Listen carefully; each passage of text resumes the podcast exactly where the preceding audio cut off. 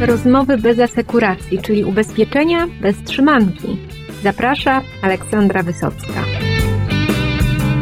To prawda, że przedsiębiorcy mogą dokonywać rzeczy niemożliwych, ale nie są nieśmiertelni i powinni z wyprzedzeniem, kiedy są jeszcze w pełni sił, mądrze zaplanować swoją sukcesję. Jaka jest w tym procesie rola ubezpieczeń, a jaka doradców ubezpieczeniowych i oczywiście też doradczyń. O tym mówi dzisiaj Sylwester Poniewierski z Ergohestii w podcaście ubezpieczeniowym Rozmowy bez asekuracji. Zapraszam do wysłuchania, no i do pomocy przedsiębiorcom w tym ważnym procesie, który tak wielu lubi odkładać na kiedyś. Wszystko przemija, nawet przedsiębiorcy polscy starzeją się, nie my tutaj obecnie, ale no wielu myśli już o tym, albo nie myśli, co będzie dalej z ich biznesami. Czy jest tu rola dla ubezpieczyciela, żeby w tym procesie jakoś pomóc? Ja bym to ujął w taki sposób, bo ten temat przemijania, którego dotknęłaś i temat sukcesji, który jest z tym ściśle związany, to są tak naprawdę dwie ścieżki. Jedna to jest tak zwana ścieżka zaplanowana i życzmy sobie tego, żeby ona występowała najczęściej, czyli ścieżka, w której przedsiębiorca świadomie planuje, że młodsze pokolenie przejmie po nim prowadzenie biznesu i to jest bardzo płynne, zaplanowane przejęcie, dokładnie tak jak obie strony sobie się na to umówią. Natomiast niestety, ale ciągle jesteśmy w rzeczywistości, w której uruchamia się również druga ścieżka sukcesji. I ta ścieżka sukcesji dzieje się nagle i to jest moment śmierci właściciela tego przedsiębiorstwa.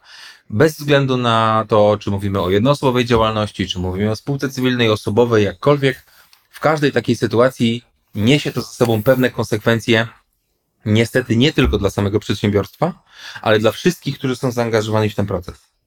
Bo to rozchodzi się bardzo szerokim echem wokół tego, co się dzieje. I teraz zacznijmy od samego początku. W momencie, kiedy umiera, i weźmy sobie na tapet najpierw temat jednoosobowej działalności, on będzie później się również pojawiał w spółkach osobowych, ale co do zasady na nim jest dosyć prosto wytłumaczyć. Pierwsza rzecz najważniejsza, o której być może, z której być może nie wszyscy zdają sobie sprawę, co się dzieje, jak umiera właściciel jednoosobowej działalności. Pierwsza rzecz, która się dzieje z automatu. Firma znika. I teraz, czy można się przed tym uchronić? Zarządca sukcesyjny. Dokładnie tak. 1,5% przedsiębiorców w Polsce dzisiaj ma zdefiniowanego zarządcę sukcesyjnego. Semła.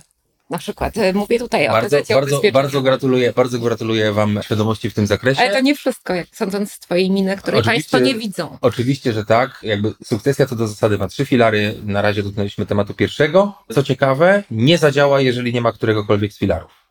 Przynajmniej nie zadziała w pełni tak, jak powinno być skonstruowane. I teraz pierwsza rzecz to jest oczywiście kwestia tego, że jest zarządca sukcesyjny. Całe szczęście dla tych pozostałych 98,5% zarządcę sukcesyjnego można powołać po śmierci mm, właściciela. I to jest jakby moment takiego przejściowego okresu, w którym do decyzji, co robimy dalej z tą firmą. Czy ona ma zostać przekształcona, zmieniona, czy te wszystkie zobowiązania mają zostać uregulowane, czy ktoś tą działalność będzie później prowadził i tak dalej, tak dalej. To jest jakby odpowiedni czas na to, żeby to zrobić. Nie? W standardzie dwa lata można wydłużyć ten okres. I to jest jakby pierwszy wątek. Jeżeli ktoś zorganizuje temat zarządcy sukcesyjnego, najlepiej zrobić jest to przed śmiercią, szczególnie, że można to zrobić przez stronę. Zaraz porozmawiamy sobie o praktycznej kwestii tego rozwiązania. Można to zrobić. Dzisiaj wyznaczamy sobie konkretnego zarządcę sukcesyjnego. Oczywiście jest zdefiniowane, kto może być taką osobą, a kto nie może być taką osobą. I w każdym momencie zarządcę sukcesyjnego można zmienić. Czyli to nie jest decyzja jedna na całe życie. Nie? To jest jakby pierwszy wątek. Później wchodzi w grę drugi wątek, czyli wątek tego, co się zaczyna dziać z tym majątkiem, który ten przedsiębiorca zebrał. Większość przedsiębiorców, mam takie wrażenie, wychodzi z założenia, że jest biznes, jest biznes, który zarabia, niezależnie od tego oni mają bardzo dużo pieniędzy. Czego życzymy wszystkim przedsiębiorcom? Tak jest. I co do zasady, nikt z nas nigdy nie chce myśleć o jakimkolwiek czarnym scenariuszu, ale nawet jeżeli taka myśl gdzieś tam przez głowę przejdzie, to od razu się pojawia taka myśl w głowie, jakoś to będzie. Jest ten biznes, są ci spadkobiercy, jest tam dużo pieniędzy, przecież to wszystko się jakoś tam zepnie. No i dochodzimy do takiego elementu dosyć kluczowego w całej tej dyskusji, czyli jak wygląda perspektywa dziedziczenia. Kto po kim dziedziczy, co się dzieje z majątkiem, który zaczyna podlegać dziedziczeniu. Jeżeli sytuacja jest prosta, to co do zasady dziedziczenie również będzie proste, ale w rzeczywistości nigdy tak nie ma i zawsze pojawia się wiele wątków. Poczynając od historii pod tytułem małoletnie dzieci, które również jak najbardziej oczywiście są spadkobiercami, natomiast w związku z tym, że są małoletnie, nie mogą zarządzać majątkiem, Sąd rodzinny, tak? co oznacza, że musi pojawić się sąd rodzinny, co oznacza, że musi pojawić się ktoś, kto będzie, kto uprawnomocni innych na przykład spadkobierców, czyli na przykład żonę lub męża, w zależności od kogo dotyczyła czarna część scenariusza, o której sobie mówiliśmy, który upełnomocni do zarządzania tym majątkiem. Pamiętajmy o tym, że w momencie, kiedy na przykład to przedsiębiorstwo ma swój własny rachunek bankowy, na którym są środki, w momencie, kiedy umiera właściciel, przedsiębiorstwo nagle się zmyka, to nie ma komu rozporządzać tym rachunkiem firmowym. To to za zasady ta kasa, która jest na tym koncie, nadal jest przedmiotem spadku. Dopóki się nie ureguluje i nie zamknie postępowanie spadkowe, teoretycznie tych pieniędzy nie można ruszyć. Jeżeli przedsiębiorca miał jakiekolwiek kredyty, zobowiązania, dofinansowania unijne, nieuregulowane kwestie podatkowe, to w momencie, kiedy dzieje się to, co się dzieje, te zobowiązania najprawdopodobniej osiągają moment natychmiastowej spłaty. Jeżeli ktoś ma środki, żeby to zrobić, nie ma z tym problemu, ale problem pojawia się wtedy, kiedy tych środków nie ma tu i teraz. Pamiętajmy o tym, że przedsiębiorcy bardzo często zatrudniają również pracowników. W momencie, kiedy zamyka się firma, rozwiązaniu ulegają umowy o pracę, trzeba wypłacić tym pracownikom pieniądze z tytułu natychmiastowego zakończenia umów pracy. Chyba, że oczywiście jest zarządca, chyba, że on decyduje się utrzymać firmę, chyba, że ta firma jeszcze przez jakiś okres pracuje, wtedy ten temat też wygląda trochę inaczej, ale to jest jakby wiele składowych. Dalej. Temat spadkobierców. Bardzo często też pojawia się, w momencie, kiedy pojawia się temat dziedziczenia, w momencie, pojawia, kiedy pojawia się temat testamentu, bo to jest ten drugi filar, czyli testament przedsiębiorcy, który mówi, ja nie chcę, aby zarządzanie moimi pieniędzmi odbyło się według modelu dziedziczenia ustawowego, czyli tak jak sobie ustawodawca zażyczył, że moje pieniądze mają być dzielone, tylko ja chciałbym świadomie zarządzać moimi pieniędzmi i świadomie zdecydować, kto w jakiej części ma te pieniądze po mnie odziedziczyć. Rozwiązanie numer dwa, czyli drugi filar naszego wątku dotyczącego sukcesji, testament, w którym my zmieniamy dziedziczenie ustawowe i wskazujemy, kto jak dziedziczy po nas wszystkie środki. I tu pojawia się oczywiście cudowne słowo pod tytułem Ubezpieczenie. A jeszcze nie ubezpieczenia. Poczekajcie. Nie, Ale będą, obiecujemy, będą też ubezpieczenia w tym wszystkim. Tak. Zachowek, czyli ta część majątku, którą mogą się spadkobiercy ubiegać. pominięci w testamencie. Historia pod tytułem Według dziedziczenia ustawowego należy im się jakiś spadek. Został skonstruowany testament, w testamencie zostały wskazane inne osoby. Osoby, które dziedziczyłyby według dziedziczenia ustawowego, mają prawo ubiegać się o połowę tego, co wynika z dziedziczenia ustawowego. I tutaj oczywiście bardzo często pojawia się historia pod tytułem jakieś pociechy z byłych małżeństw, być może nawet niekoniecznie małżeństw, ale jakieś pociechy, które co do zasady, nadal pokrewieństwo krwi jest, są uprawnione do otrzymania spadku po takiej osobie. Ta osoba, ten przedsiębiorca, z różnych względów, nie wchodzimy tutaj w różne kwestie prywatne, może niekoniecznie chcieć albo uwzględniać te osoby przy okazji dziedziczenia. To jest najczęściej pojawiający się przykład, ale ja zawsze też mówię o tym, że ten przykład wbrew pozorom może pójść w górę. Bo wyobraźmy sobie taką sytuację, że jest ten przedsiębiorca. Być może nie ma dzieci. Być może nawet nie ma żony.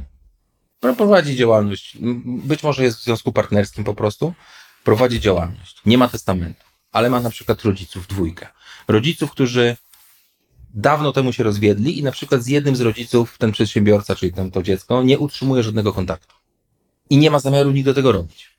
W naturalnym modelu dziedziczenia ten drugi rodzic dziedziczy połowę tego majątku.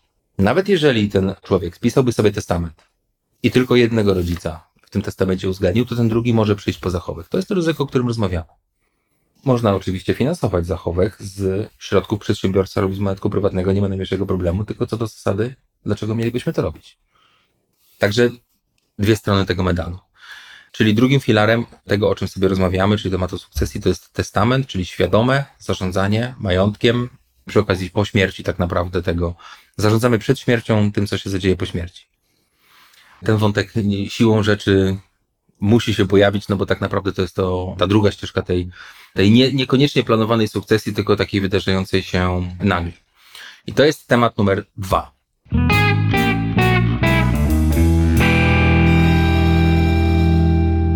No i jeżeli sobie zobaczymy na oba te wątki. Po pierwsze zarząd sukcesyjny, czyli ktoś zarządza tym przedsiębiorstwem. Temat zamknięcia zobowiązań, koniecznej spłaty nagłych- zobowiązań. Dalej temat dziedziczenia i innych kosztów, które mogą pojawić się, bo ktoś zdecydował inaczej. No i to jest ten moment, kiedy uruchamia się filar numer 3, czyli ubezpieczenie na życie. Co do zasady, jeżeli rozmawiamy o zabezpieczeniu sukcesyjnym, to suma ubezpieczenia w ubezpieczeniu na życie będzie musiała złapać wszystkie wątki z tych wariantów, o których sobie wcześniej mówiliśmy. Czyli tak naprawdę do dobrego przygotowania planu sukcesyjnego, jeżeli mówimy o tego rodzaju zabezpieczeniu, trzeba wziąć pod uwagę całą kondycję przedsiębiorstwa i całą kondycję również prywatną tego przedsiębiorcy. To jest ten moment, kiedy przy okazji doradztwa ta relacja pomiędzy klientem a agentem musi być taka prawie, że jak na spowiedzi. Oczywiście to jest wszystko, wszystko zostaje między jedną a drugą stroną, no bo oczywiście tajemnica, ta- tajemnica ubezpieczeniowa obowiązuje. Natomiast jeżeli ten przedsiębiorca faktycznie chciałby być zabezpieczony w 100% na wszystkie możliwe zdarzenia, które mogą się zadziać po jego śmierci i zabezpieczyć majątek nie tylko firmy, ale również majątki prywatne, wszystkie wokół, które będą, bo jeżeli pojawiają się wspólnicy, no to nagle nam wchodzi inna działalność, która również będzie miała swoje konsekwencje. Nie? Także to są wszystkie te elementy, które należy wziąć pod uwagę po to, żeby ustalić sobie sumę ubezpieczenia. Jeżeli chodzi o praktykę, to do kwestii materiału przejdziemy za chwilę. I teraz generalnie temat sukcesji, mam wrażenie, od dłuższego czasu na rynku funkcjonuje. Jest wielu świetnych, absolutnie świetnych prelegentów, prawników, ludzi, którzy specjalizują się w tym temacie i robi takie wykłady, prelekcje, szkolenia dla agentów. W głównej części oczywiście koncentrując się na tym wątku pod tytułem zarząd sukcesyjny i pod tytułem dziedziczenie, bo tak naprawdę jak dotknie się tematu dziedziczenia, to to ludziom dopiero otwiera oczy. Te spotkania zawsze zaczynają się od pierwszego pytania pod tytułem, kto ma zarząd sukcesyjny. Okazuje się, że prawie nikt nie podnosi ręki, kto ma testament i okazuje się, że nikt nie podnosi ręki. Jakby i to jest pierwsze takie otwarcie oczu pod tytułem, ilu ludzi w ogóle ma świadomość, ilu ludzi zarządza tym, tym twoim przedsiębiorstwem w taki świadomy sposób i jest przygotowanych na jakiś tam czarny scenariusz. I później pojawiają się wielokrotnie właśnie wątki dotyczące a zachowek, a testament, a jakieś być może dzieci z innych małżeństw, rodzice po rozwodach i tak dalej i tak dalej. To są te elementy, które mogą się pojawić, są zawsze takim języczkiem uwagi. To jest moment otwarcia oczu. I później przechodzi element pod tytułem takim, że a, warto mieć ubezpieczenie, żeby te wszystkie zdarzenia zabezpieczyć, żeby suma ubezpieczenia na polisie spłaciła te wszystkie zobowiązania, o których sobie powiedzieliśmy. Kredyty, jakieś inne zobowiązania wobec pracowników, uregulowała kwestie podatkowe, spłaciła zachowki i tak dalej, i tak dalej. Żeby ci przedsiębiorcy, albo zarządca sukcesyjny, albo ci, którzy po przekształceniu tej działalności w inną, wyszli trochę na prosto. I trochę pozbyli się tego niepotrzebnego bagażu, który się wcześniej pojawił. To jest taki, żeby też trochę sobie powiedzieć, ludzie bardzo często, w dzisiejszych czasach mam wrażenie coraz częściej, na przykład małżeństwa, robią sobie rozdzielność majątkową. Jaki jest cel zrobienia rozdzielności majątkowej? Zabezpieczenie się wzajemne tak naprawdę. Ale, Zobowiązania finansowe chyba, że się Są rozdzielone. ale tak. Tak, ale generalnie chodzi o to, żeby zobowiązania finansowe były rozdzielone pomiędzy majątkami, szczególnie jeżeli mamy historię pod tytułem tutaj jeden z małżonków na przykład prowadzi działalność, drugi małżonek tej działalności nie prowadzi. Rozdzielność majątkowa co do zasady ma ograniczyć wpływ tej działalności tego jednego małżonka na majątek tego drugiego. Tylko w momencie, kiedy jeżeli jeden umiera, to okazuje się, że ta rozdzielność majątkowa przez to znika w pył. Bo ta druga strona po prostu dziedziczy wszystko po tej pierwszej. Cały majątek, w tym również wszystkie zadłużenia. Mhm. Nie? To są takie historie, które należy brać pod uwagę. Inna historia. Bardzo często ludzie wychodzą z założenia, bardzo często, to też jest chyba nieodpowiednie określenie. Zdarza się, że kwestia na przykład darowizny. Ktoś przekazuje komuś darowiznę za życia. Dla niego sprawa jest czysta. Darowiznę przekazał, ta osoba dostała, co miała dostać, ale nikt nie, nikt nie pamięta o tym, że przy śmierci tej osoby, czyli tego darczyńcy na rzecz innego, to ten obdarowany nadal dotyka go temat zachowku. I zachowek dotyczy również darowizn przekazanych za życia. Jeżeli te wątki nie są uregulowane, to co do zasady okazuje się, że sprawa wcale nie została zamknięta przy okazji przekazania darowizny. Wiele wątków, o których warto wiedzieć, o których można wiedzieć, tylko znowu, patrzę też jak szeroko otwierasz oczy. Czy agent ubezpieczeniowy, czy doradca ubezpieczeniowy powinien być specjalistą, prawnikiem, po pierwsze od tematów sukcesyjnych, po drugie od tematów konstruowania całego modelu testamentowego dla przedsiębiorcy. W mojej ocenie absolutnie nie. Absolutnie nie. Zgadzam się też tutaj właśnie z większością prelegentów, którzy na ten temat swoje prelekcje prowadzą. Każdy z tych przedsiębiorców na pewno ma prawnika, na pewno ma jakiegoś swojego księgowego, inną osobę, która zarządza, wspiera go tak naprawdę w zarządzaniu finansami tego biznesu i ona zna się na tym, przynajmniej powinna się znać, na całej kwestii formalno-prawnej. I to ten przedsiębiorca powinien z tą osobą porozmawiać o tym, w jaki sposób to skonstruować. I w momencie, kiedy wyjdzie z tego to, o czym sobie rozmawialiśmy, to wtedy na scenę wchodzi agent ubezpieczeniowy i robi to zabezpieczenie w postaci ubezpieczenia na życie. Na przykład waszego ubezpieczenia. Na przykład naszego ubezpieczenia, y, jakby co do zasady, wszystkie limity, które pojawiają się w ubezpieczeniu na życie, bo u nas w standardzie doradca ubezpieczeniowy policzył sumę ubezpieczenia do poziomu 10 milionów, natomiast to jest tak zwany limit teoretyczny. Jeżeli jest taka potrzeba, aby klienci naszych doradców ubezpieczeniowych mieli wyższe zabezpieczenie, to nie mamy z tym najmniejszego problemu. Zawsze do każdego ryzyka możemy się przymierzyć. Nie jest też jakąś wielką tajemnicą, że najwyższa suma ubezpieczenia, którą mamy w ubezpieczeniu na życie, znacząco przekracza kwotę 10 milionów i to jest właśnie zabezpieczenie sukcesyjne. I teraz wracam do tego, o czym na początku sobie rozmawialiśmy i tym, co zwróciło Twoją uwagę od razu, czyli tym materiale, który przyniosłem, bo doradca ubezpieczeniowy, będąc na absolutnie, absolutnie świetnej prelekcji dotyczącej sukcesji, która w głównej mierze dotyka właśnie wątków testamentowych, dziedziczenia ustawowego, zachowków, darowizn, wszystkich innych historii, otwiera oczy i mówi, w pierwszej kolejności to ja muszę pomyśleć o sobie i muszę pozabezpieczać siebie i, i tak dalej. A oczywiście w następnej kolejności będę chciał to robić ze swoimi klientami. Przecież ci doradcy ubezpieczeniowi nie pracują tylko z klientami detalicznymi, ale pracują również z przedsiębiorcami, małymi, dużymi, większymi, ogromnymi firmami również. I ten temat sukcesy dotyka wszystkich. Ta jednoosobowa działalność była tylko przykładem. Natomiast zobaczmy, co się dzieje po stronie spółek. Po stronie spółek, gdzie mamy na przykład dwóch, trzech współwłaścicieli, każdy z nich jest właścicielem odpowiedniej, odpowiedniego procenta udziałów w tej spółce i jeżeli, oby tak było jak najczęściej, byli przewidywalni, to konstruując umowę spółki, zawarli w niej zapis, że nie ma dziedziczenia udziałów w spółce.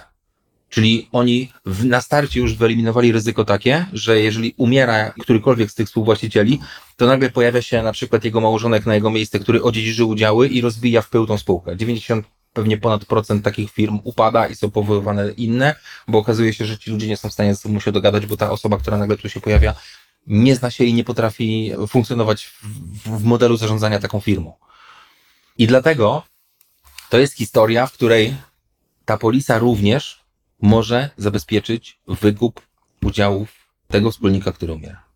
I wtedy konstruuje się w ten sposób, że to firma jest ubezpieczającym, ubezpieczonymi są e, wspólnicy, każdy ma oczywiście swoje ubezpieczenie i w sytuacji, kiedy jeden umiera, to pieniądze przychodzą na rzecz spółki i spółka spłaca spadkobierców, wykupując udziały.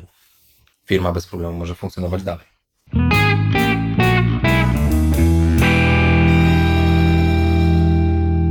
Wracam do naszego wątku. Doradca, który chce wejść w ten temat, któremu otwierają się oczy, brał udział w takich prelekcjach, wychodzi tak naprawdę i to wiecie, to jakby znamy to z badań. 10% to, co wynosimy ze szkoleń, pamiętając, zostawiając to sobie gdzieś tam w głowie, to jest 10%. 20% to jest tą kwestię samego naszego dodatkowego jakiegoś kształcenia się w tym zakresie, a 80% to jest praktyczna praca później z tym tematem. Tylko jak praktycznie z takiego szkolenia brakuje, zawsze brakowało nam takiego elementu praktycznego przewodnika, praktycznego manuala do tego, jak ja mam ten temat rozpocząć ze swoim klientem, jak ja mam z nim rozmawiać, co ja mam dalej, gdzie tu teraz których wątków dotknąć. Właśnie dlatego stworzyliśmy ten manual i to jest manual, który dajemy naszym partnerom, naszym agentom, naszym doradcom ubezpieczeniowym, z którymi współpracujemy. I to jest manual, na bazie którego oni mogą rozmawiać z klientem. Te wszystkie rzeczy, o których sobie rozmawialiśmy, czyli te wszystkie rzeczy, które są pewną podstawą tak naprawdę do tego, żeby czuć się pewnie w wątku, o którym rozmawiamy, to jest temat bazy wiedzy, która znajduje się na końcu tego materiału. I tak naprawdę ta baza wiedzy dotyka właśnie tych wszystkich takich głównych, podstawowych wątków. Zarządu sukcesyjnego, spadku, dziedziczenia ustawowego, i dziedziczenia testamentowego. Jakby pewnie nie Państwo, którzy słuchają tego, nie mają okazji tego zobaczyć, ale... Ale słyszycie ten szum kartek. Tak, to jest ten moment, Być kiedy ta może wiedza... Ergo Hestia ze dwie, trzy strony udostępni do pobrania. Rozumiem, że całość jest jednak własnością intelektualną Niekoniecznie do dzielenia się z całym światem ubezpieczeń, ale może dwie strony, trzy. Myślę, że. Teaser taki. My, myślę, że Zobaczymy, będziemy Tak. negocjować. materiał oczywiście jest tak stworzony i został w całości przez nas. Jest takim materiałem wspierającym doradcę. I co do zasady, oczywiście bardzo chętnie dzielimy się nim z doradcami, natomiast my też postawiliśmy sobie taki model, w którym najpierw orga- organizujemy spotkanie, najpierw organizujemy warsztat w tym temacie i nasz doradca wychodzi z tego warsztatu z tym materiałem, po to, żeby też odpowiednio wiedzieć, w jaki sposób na nim pracować. Czyli to nie jest tak, że moglibyśmy go po prostu, jak to się mówi, puścić w sieć. Tylko pytanie, czy ktoś tak bez dobrego przygotowania czułby się pewnie w tym, o czym dyskutujemy. Natomiast zaczynamy właśnie od tematu zarządu sukcesyjnego. I jak sobie patrzymy na to, na ten materiał, na to wszystko, o czym mówimy, to od razu pojawia nam się informacja. Kto może powołać zarządcę sukcesyjnego? Tak? W jaki sposób to zrobić? Nawet w naszym materiale jest bezpośrednio QR code do strony z CIDG, gdzie można to zrobić. Jest od razu wskazanie, kto może zostać zarządcą przedsiębiorcy. Jest od razu informacja, jak można zrezygnować, w jaki sposób można to zmienić. Automatycznie wszystkie informacje, których doradca potrzebuje i z których chciałby skorzystać. Pamiętajmy, że ja cały czas mówię o tym, że doradca ubezpieczeniowy może mówić, rozmawiaj ze swoim prawnikiem, załatw te tematy, ja ci tylko mówię, że jest taka możliwość, a można na bazie tego materiału wyposażyć się w taką wiedzę, żeby wiedzieć, co i jak zrobić. Nie? Także tutaj też jest takie bezpieczeństwo tego, że ktoś czuje się z tym pewnie. Dalej temat spadku. Czym jest, co wchodzi w spadek, kiedy się otwiera, w jaki sposób działa masa spadkowa, wszystkie elementy, których potrzebujemy. W tym materiale również znajdują się odniesienia bezpośrednio do zapisów kodeksu cywilnego, które reguluje wszystkie kwestie. Także jeżeli ktoś ma taką potrzebę, to można oczywiście wprost tutaj wskazać sobie paragraf i zapoznać się ze szczegółami tego paragrafu. My podajemy to w takiej bardzo, bardzo przystępnej formie. No i później jest jakby cała drabinka dziedziczenia. Z jednej strony drabinka bardzo ogólna, mówiąca o tym, kto z kim współdziedziczy, w zależności od tego, jak szerokie jest to drzewo genealogiczne i później konkretne przykłady, małżeństwo z dziećmi, małżeństwo bez dzieci, związek partnerski, bardzo ciekawe przez wiele osób. Dzisiaj tak ogromnie powszechne mm, zjawisko i przez wiele osób niedoceniana sytuacja, w której jeżeli jeden z tych partnerów umiera, to ten drugi jest zgodnie z prawą kompletnie obcą osobą. Nie należy mu się absolutnie nic, jeżeli nie ma testamentu, który to w jakikolwiek sposób zdefiniuje.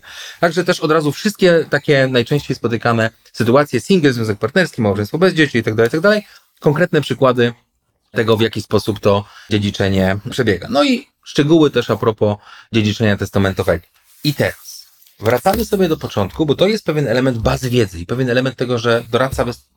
przeczyta ten materiał, który tu jest, będzie wiedział, w jaki sposób się poruszać, ale też w każdym momencie rozmawiając na przykład ze swoim klientem, rozmawiając z przedsiębiorcą, pokazuje mu te elementy, wskazują sobie elementy, które, na które warto zwrócić uwagę. Natomiast cały materiał podzielony jest na konkretne typy działalności gospodarczych. Wstęp mówiący o tym, dlaczego w ogóle temat sukcesu jest istotny i przejście przez takie podstawowe zestawy spółek, czyli mamy jednoosobową działalność, mamy spółkę cywilną, mamy spółkę osobową i mamy spółkę kapitałową. Zaczynamy od historii pod tytułem Dlaczego w ogóle, szanowny kliencie, dlaczego chciałbyś ze mną o tym rozmawiać? I to są te konsekwencje, od razu wszystkie wylistowane, co się dzieje, kiedy umiera właściciel. Czyli automatycznie jest likwidacja firmy, wykreślenie z CIDG, pojawiają się konieczności spłaty wszystkich zobowiązań i tak dalej. Cała lista od razu rzeczy. To są tak naprawdę podstawy do tego, dlaczego w ogóle mamy o tym rozmawiać. Dlaczego ty jako przedsiębiorca będziesz chciała ze mną jako z doradcą ubezpieczeniowym rozmawiać o temacie sukcesji. To jest ta lista. I później przechodzimy sobie do tematu pod tytułem możliwe zabezpieczenia. Temat sukcesji i temat y, testamentu załatwia ci twój prawnik. Temat ubezpieczenia i pokrycia tego, o którym rozmawiamy, załatwiam ci je. Żeby to było bardziej namacalne, stworzyliśmy konkretne przykłady. Mamy konkretny opis przedsiębiorcy. Pan Tadeusz. Tak jest, pan Tadeusz. Konkretny Ta opis, kwestia zawsze bliska literatury. No. taką mamy artystyczną duszę. E, Niezmiennie, oczywiście, absolutnie. I teraz mamy konkretny przykład, jest konkretny opis przedsiębiorcy. Związek Jest- nieformalny. No Tak. dobra, już pominijmy skojarzenia literackie.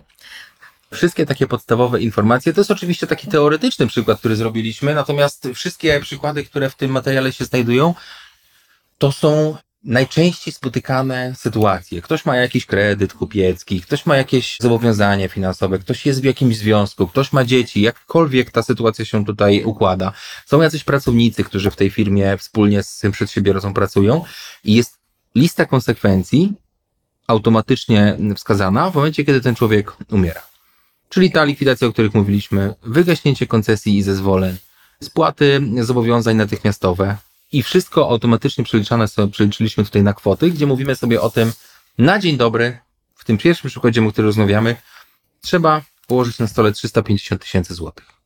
Tutaj dodam e, naszym słuchaczom, że pan Tadeusz absolutnie romantyczna postać, idealista, w ogóle się nie brukał żadnymi tutaj formalnymi decyzjami, wierzył, że będzie żył wiecznie i bardzo chyba ciężko mógł na tym wyjść. Czekam na pana Stanisława, oczywiście nawiązując do Stanisława Wokulskiego, że będzie też pozytywista, który to wszystko zabezpieczy. Zobaczymy dalej. Tu mrużę oczywiście oko, ale pan Tadeusz rzeczywiście chyba nie podjął w stosownym czasie właściwych decyzji dotyczących swojej firmy. Nie, nie podjął decyzji dotyczących, e, znaczy nie podjął takich decyzji, jakie powinien był podjąć i co do zasady miejmy nadzieję, że większość przedsiębiorców po spotkaniu z doradcami, którzy już w ten temat wejdą, będzie podejmowała zupełnie inne decyzje. Natomiast od razu na drugiej stronie pokazujemy scenariusz, który jakby mógłby być optymistycznym scenariuszem, nawet z kwestią wykorzystania ubezpieczenia.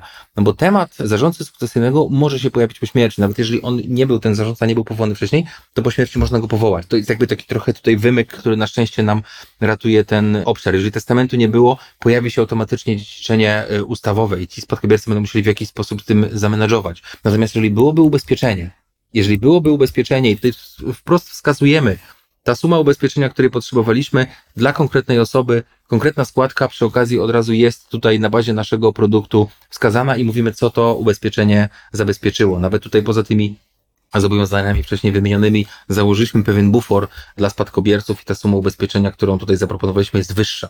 Ale to automatycznie otwiera oczy jakby gdzie automatycznie konsekwencje, te finansowe, które wcześniej wskazaliśmy, automatycznie z tym ubezpieczeniem są pokryte. Dla każdej formy działalności mamy takie przykłady. Mamy opis, mamy automatycznie listę konsekwencji, sumaryczne zebranie i po drugiej stronie, na drugiej kartce od razu jest ta sama sytuacja, bo to jest ten sam człowiek, ten sam case, ale automatycznie jest rozwiązanie z polisą dla tego przedsiębiorcy i wskazanie pokrycia wszystkich zobowiązań. W przypadku jednoosobowej działalności temat się wydaje dosyć prosty, no bo to jest ubezpieczający, ubezpieczony, cały czas rozmawiamy o tej jednej osobie. Ale później pojawia się temat, kiedy pojawia się temat, kiedy przechodzimy na przykład do spółek osobowych. I na przykład w sytuacji, kiedy mamy jednego, dwóch, trzech przedsiębiorców na Jak swoich... ziemi obiecanej, już tak, literaturą cały na swoich, na swoich, na sw... Ka każdy, że tak powiem, ze swoim ogródkiem, ale wspólnie tworzą piękny statek trzy działalności, na przykład dwie, trzy działalności gospodarcze, które tworzą taką, taką spółkę osobową i teraz to zabezpieczenie będzie musiało zostać zrobione jako mm, krzyżowe. Kto ma być ubezpieczającym? Kto ubezpieczonym? Kogo wskazać jako beneficjenta? To są takie pytania, które mogą się pojawić później, kiedy ten przedsiębiorca z tym doradcą dogadają się i powiedzą: OK, dobra, róbmy to, zabezpieczmy mnie, skonstruujmy odpowiednie ubezpieczenie. I w tym materiale też mówimy. W przypadku na przykład, y, kiedy mamy dwójkę przedsiębiorców, mówimy, kto ubezpieczającym, kto ubezpieczonym, jak wskazać sumę ubezpieczenia, w jaki sposób wskazać beneficjentów. Jedna rzecz ważna. Jeżeli robimy takie zabezpieczenie krzyżowe, to warto zwrócić uwagę, co regulują ogólne warunki. Wyobraźmy sobie, że osoba numer jeden i osoba numer dwa. Osoba numer jeden jako ubezpieczający wykupuje polisę i jako beneficjenta wskazuje osobę numer dwa. Kto ma prawo do zmiany beneficjenta? Osoba, która ubezpiecza, ubezpieczający. Dokładnie tak. I teraz, jeżeli oni wzajemnie zabezpieczyli się krzyżowo, to tak naprawdę każdy z nich decyduje o tym, kto będzie jego beneficjentem. Czyli wyobraźmy sobie, że nagle się pojawia osoba numer 3 w tym zestawieniu, która zawróciła w głowie osobę numer jeden i się stała Mamy beneficjentem. Panią Annę, ja widzę Anna Karenina. Moi drodzy, tu jest po prostu literatura się łączy z biznesem. I, to, I o tym mówimy. I teraz przy konstruowaniu takich ubezpieczeń trzeba pamiętać o zapisach, które będą regulowały, kto decyduje o tym, jaki jest beneficjent i kto decyduje o tym, kto będzie tego beneficjenta zmieniał. I o tym wszystkim jest w tym materiale. Warto zwrócić uwagę, jakie klauzule nanieść na polisę, w jaki sposób skonstruować umowę. Bardzo praktyczne rady. Jak rozmawiać, na co zwrócić uwagę, konkretne przypadki i rozwiązania.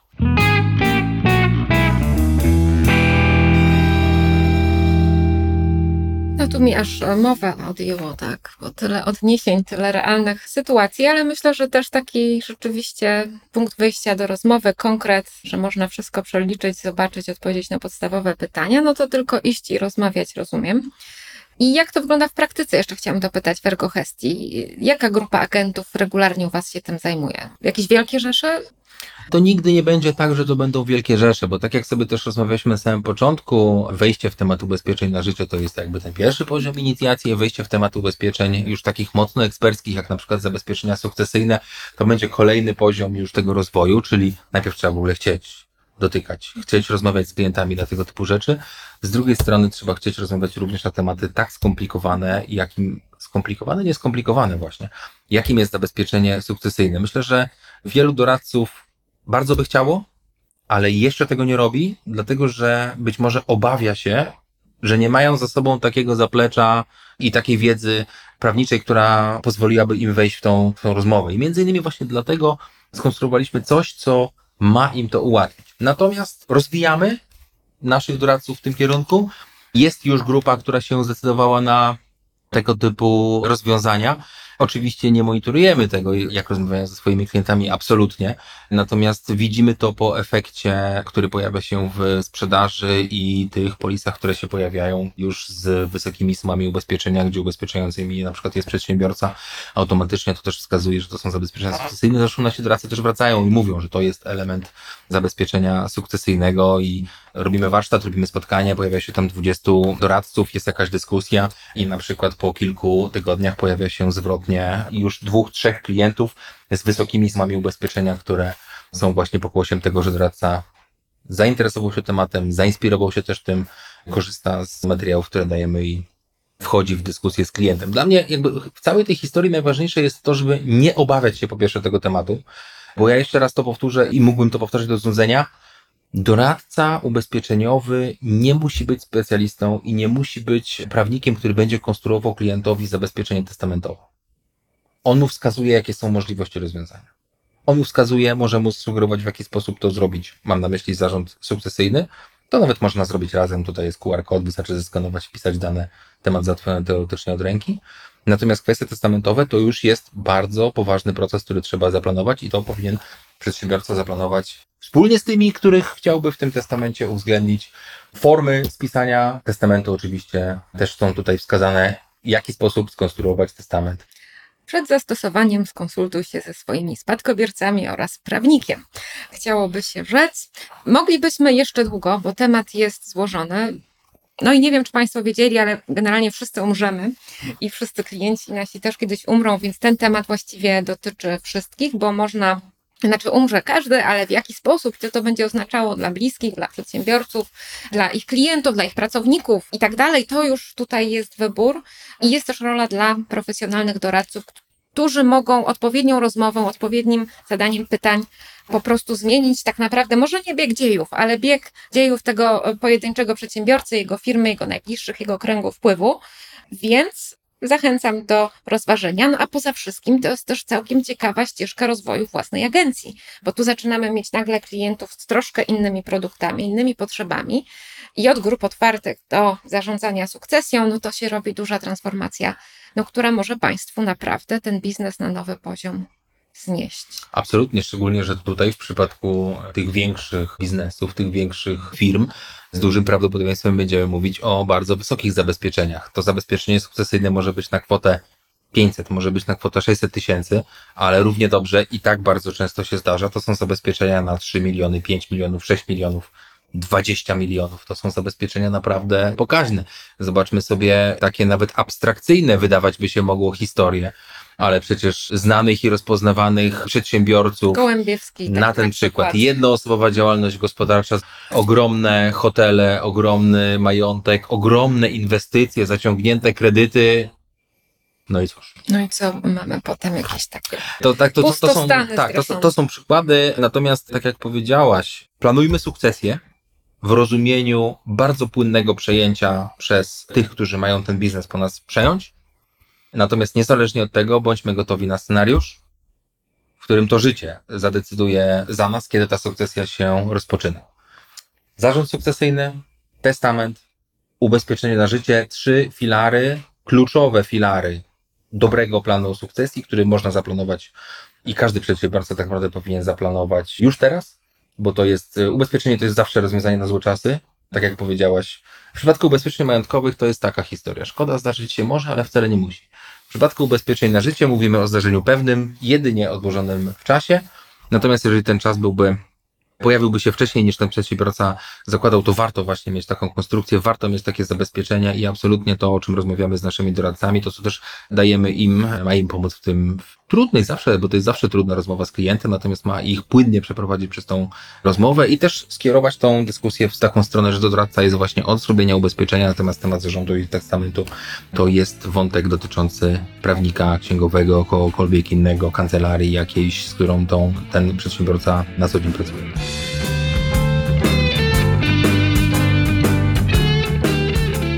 Jeśli ten temat wzbudził Twoje zainteresowanie, to przejdź do działania.